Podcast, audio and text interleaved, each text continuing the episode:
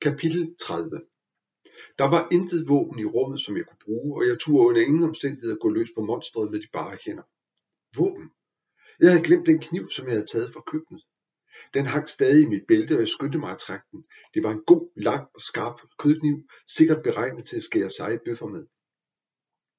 Jeg bevægede mig forsigtigt hen mod slangen, der var koncentreret om Jens. Så svingede jeg kniven så hårdt jeg kunne og jog den ned i slangens hale. Kniven gik igennem halen og satte sig fast i gulvet.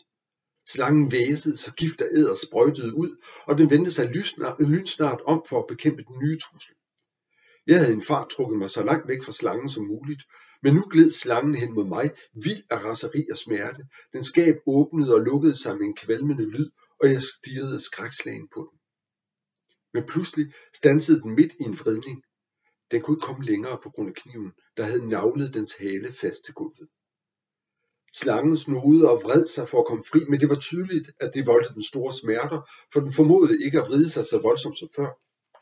Hvis den ville fri, måtte den flække sin hale i to stykker.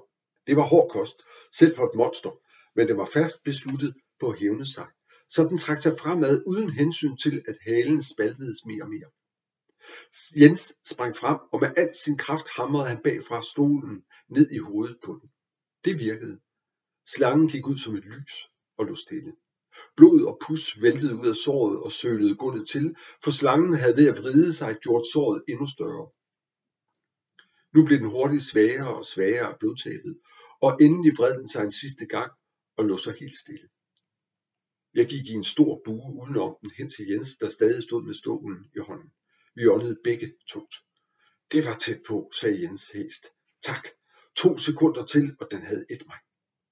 Jeg kiggede hen på døren ind til brevkammeret. Jens derimod kiggede opad. Jeg ved ikke, hvad du synes, Paul, men det forekommer mig, at rummet er blevet en kende mindre. Jens stirrede stadig opad, og jeg fulgte hans blik. Han havde ret. Et eller andet ved rummet var forandret, og mens vi stod og kiggede, forstod vi, hvad det var, der havde ændret sig. Loft var ganske langsomt på vej ned. Det var absurd, det her. Ikke så snart havde vi overstået en grufuld fare, før den næste væltede ned over os.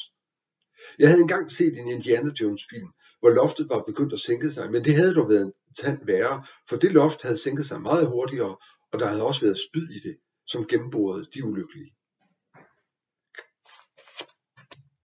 Knap nok havde jeg tænkt den tanke, før små spyd gled frem fra skjulte huller i loftet.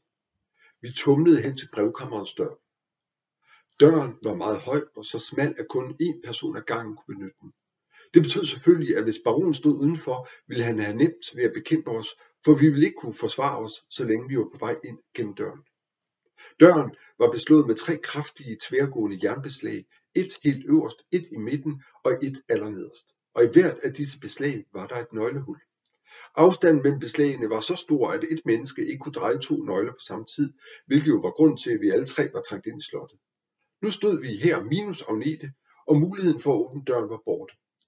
Og dog. I min lomme havde jeg jo det stykke reb, jeg ville have bundet jokeren med. Jeg viste det til Jens. Okay, Paul, sagde han ivrigt. Du tager stolen hen til døren, og jeg tager kniven, der sidder i slangen. Så sætter jeg kniven ind i nøglehullet på den nøgle, der, passerer til den øverste, der passer til den øverste lås, og binder rebet fast til kniven. Så trækker vi snoren samtidig med, at vi drejer de to andre nøgler, og snoren vil dreje kniven, der så vil dreje nøglen, som derved vil åbne låsen. Jeg var dybt imponeret. Jens, du er simpelthen genial. Uden at vente på svar, skyndte jeg mig hen til hjørnet, hvor Jens havde smidt stolen fra sig. Jeg kastede et blik op med loftet, der var kommet betydeligt nærmere. Spydene var nu ikke mere end 2-3 meter over os, og lyden fra loftet kom nærmere og nærmere. Vinduerne var blevet dækket, og nu blev rummet kun oplyst af faklerne. Med stort møje og besvær fik jeg trukket stolen hen til brevkammerets dør. Jens sad på slangens hale og hiv i kniven, der var stukket dybt ned i plankerne.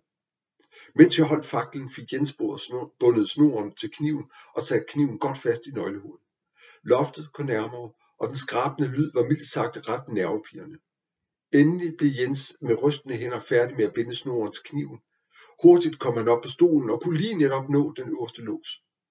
Loftet var ganske nær låsen og ville snart dække nøglehullet og brække nøglen. Vi ville kun få denne ene chance.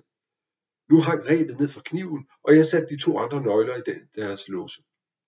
Jens, jeg tæller til tre, og så drejer vi. Er du med? 1, 2, 3. Med rystende hænder drejede vi nøglerne, mens vi bad en stille bøn. Jens hæv snoren og drejede samtidig den midterste nøgle, mens jeg drejede den nederste. I samme øjeblik nåede loftet nøglen, og med en knæsende lyd brækkede nøglen, og kniven faldt ned på gulvet. Men vi havde lige netop nået at dreje nøglen, og sanden om ikke det virkede. Alle nøglerne var uden besvær drejet rundt, og der lød et højt tørt klik inde fra døren, og den gik op. Uden at tænke på, om baronen ventede os derinde, kastede vi os ind gennem døren. Vi havde klaret det.